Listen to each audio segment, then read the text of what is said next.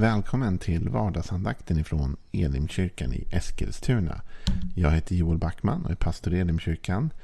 Vill du veta mer om vår församling så gå in på www.elimkyrkan.com. Där hittar du all information om oss. Du hittar jättemycket bra eh, material som du kan använda dig av. Eh, och kontaktinformation och mycket annat. Gå gärna upp och likea vår Facebook-sida Elim Eskilstuna. Eller gå in och prenumerera på vår YouTube-kanal Elimkyrkan Eskilstuna. Så får du ta del av allt det som vi har att erbjuda dig där. Vi vill gärna komma i kontakt med dig. Idag är det torsdag. Och vi är inne i en serie om psalm 23. Och det är faktiskt tredje dagen som vi har fastnat i vers 5. Och det kan man ju tycka är lite överdrivet. Men vers 5 har så många olika perspektiv i sig att vi eh, har varit tvungna att göra så. Idag så kommer vi lämna den versen, eller efter idag kommer vi lämna den versen så vi tar något nytt imorgon.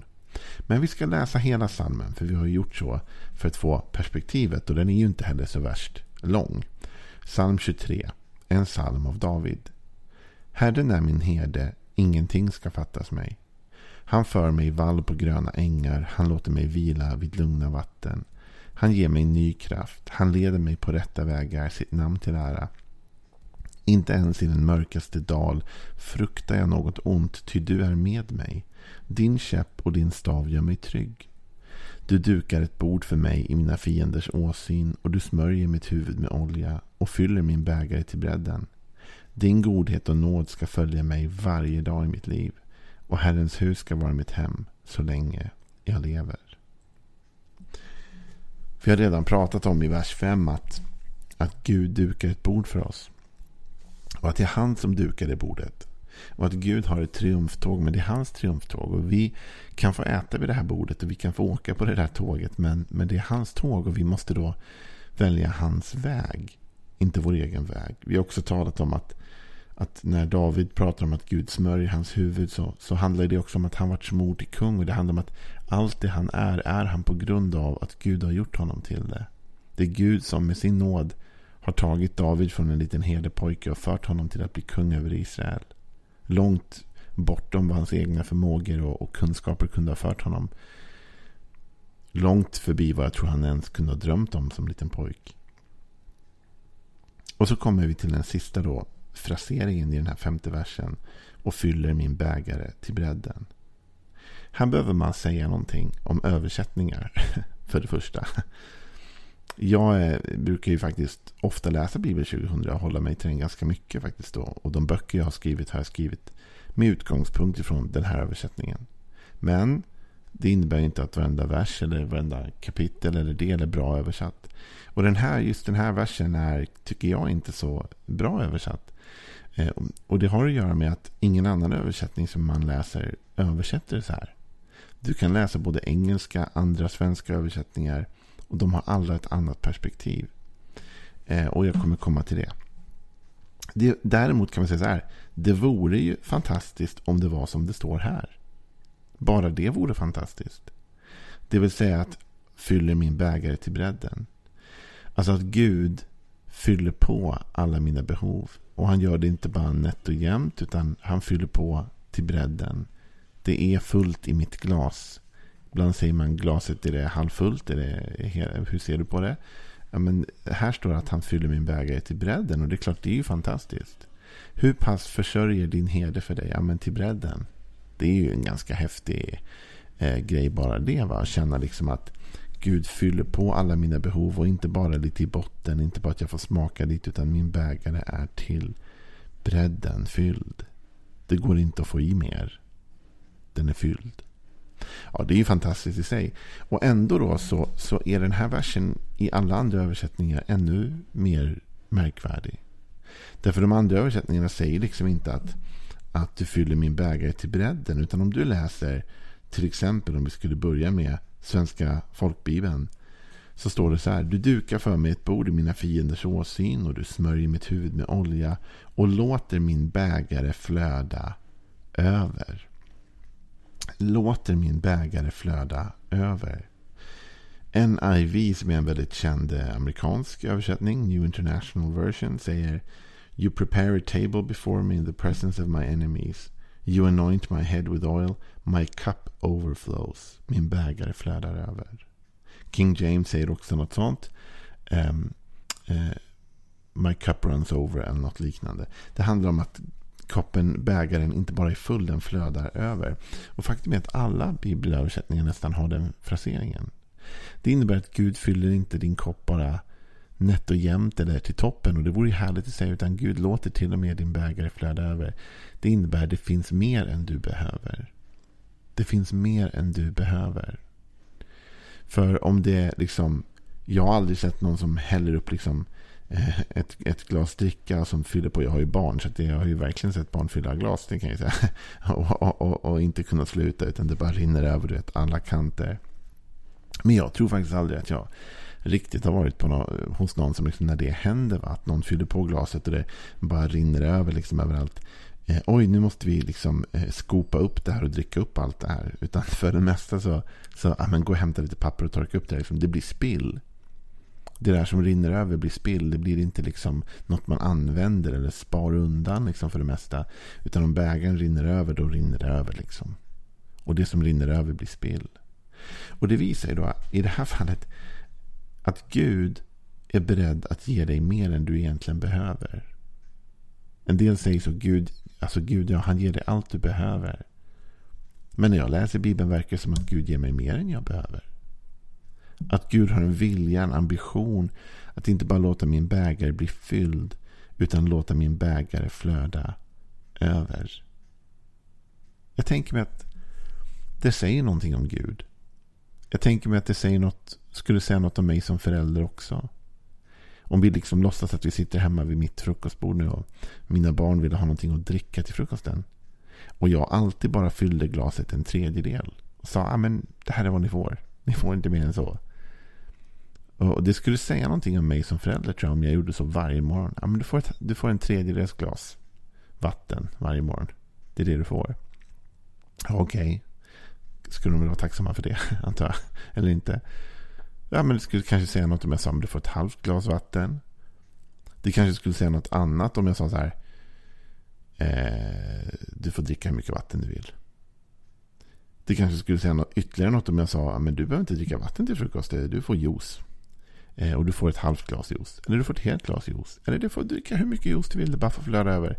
Alltså, det säger ju någonting om mig hur mycket jag fyller mina barns bägare eh, av olika skäl och olika perspektiv. Och alla kanske inte är goda heller för den sakens skull. Men det säger någonting om Gud och hans förhållningssätt till oss. För jag tänker mig så här. Att om jag var en sån förälder som lät mina barns bägare alltid flöda över vid frukosten.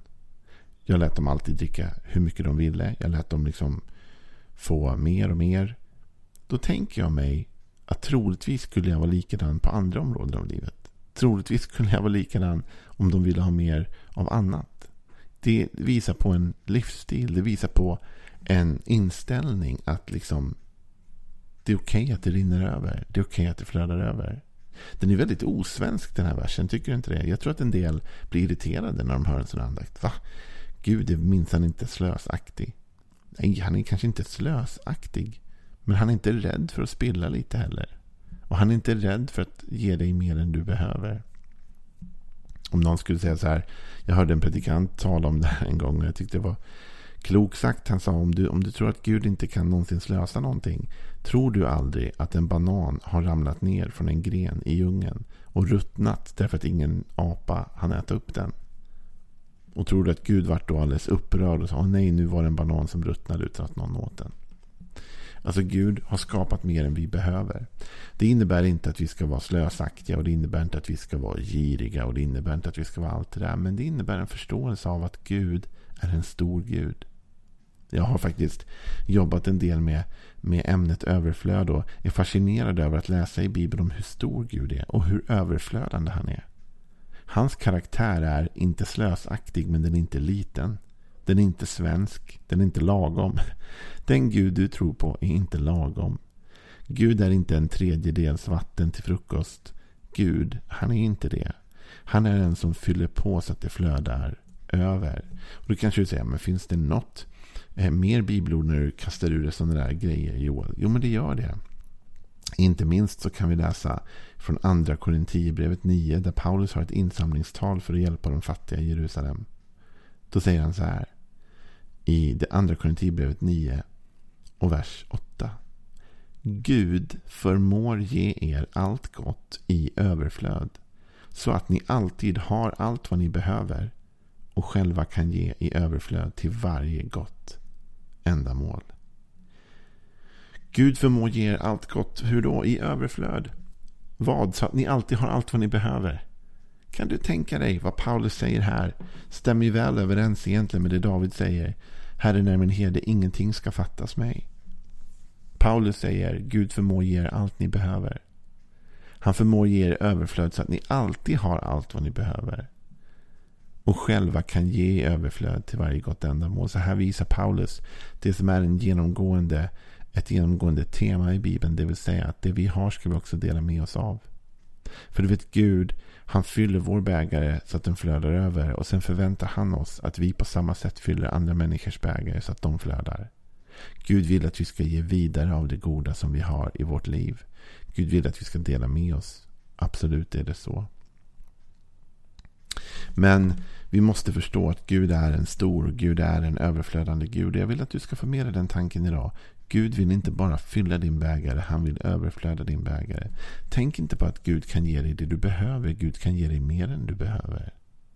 Men återigen så får vi koppla det med hela salmen med efterföljelse. Och vi får koppla det med hela salmen också vad det gäller det David sa tidigare, det vill säga det är Guds bord. Jag brukar tänka så ibland.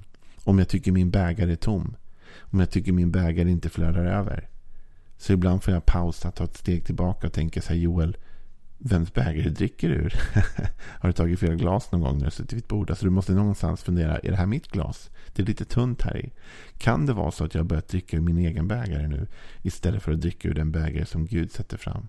Det Gud ger mig överflödar. Det jag själv skapar, det har jag inget löfte om att det ska överflöda. Men det Gud gör är stort och mäktigt och överflödande. Gud har aldrig skapat något med brist. Gud har inte skapat något som inte har vad det behöver. Gud skapar fullkomliga saker. Faktum är att Bibeln säger att varje god och fullkomlig gåva kommer från, him från, från himlaljusens fader. Varje god och fullkomlig, inte bara goda gåvor, fullkomliga gåvor. Det finns ingen brist. Utan Gud ger oss mer än det vi behöver. Speciellt kopplat till om vi själva lever generöst och utgivande emot andra människor. Ja, säger du, nu kanske du säger så här. Okej, okay, så det här, det här var liksom David säger det och, och Paulus säger det. Men Jesus, han talar minsann inte om det här. Eller gör han inte det? I en av de mest välkända eh, texterna, Lukas 6 och vers 38, så står det så här. Jesus ska ni få. Ett gott mått, packat, rå, äh, skakat och rågat ska ni få i er mantel. Med det mått som ni mäter med ska det mätas upp åt er. Eh, andra översättningar av den här texten på engelska talar om att det flödar över faktiskt. Här talas det om rågat. Det är packat, skakat och rågat. King James säger overflowing. Running over säger den. Running over. Jesus säger att om vi ger ska det bli oss givet och det ska ge oss, bli oss givet i ett sånt mått att det rinner över, det flödar över. Gud kan ge dig mer än du behöver. Gud vill ge dig mer än du behöver. Han har förmågan och kraften att göra det. Det här kommer faktiskt till och med ända bakifrån den första liksom, förståelsen av välsignelsen i Bibeln. I femte Mosebok 28 så hittar vi Guds välsignelse över folket. Och även där talas det om hur Gud försörjer. Han säger faktiskt så här. Herren ska ge dig, 5 Mosebok 28, vers 11. Herren ska ge dig överflöd av allt gott. Barn, avkomma från boskap och gröda på marken i det land som Herren med ed har lovat dina fäder att ge dig. Herren ska ge dig överflöd av allt gott. Herren ska låta din bägare flöda över. Jag tänker inte säga så mycket mer om det, utan jag vill lämna dig med den tanken den här dagen. Att Gud kan låta din bägare flöda över. Tro inte Gud om lagom. Det är svenskt. Tro Gud bibliskt. Och det innebär att vi tror Gud om mer än vad vi behöver. Om en bägare som flödar över. Om en kopp som inte är en tredjedels fylld utan är mer än fylld. Gud kan ge dig allt gott i överflöd så att du alltid har allt vad du behöver och själv kan ge överflöd till varje gott ändamål. Det är det han vill göra i ditt liv och i mitt liv idag. Ha en välsignad torsdag. Hej då.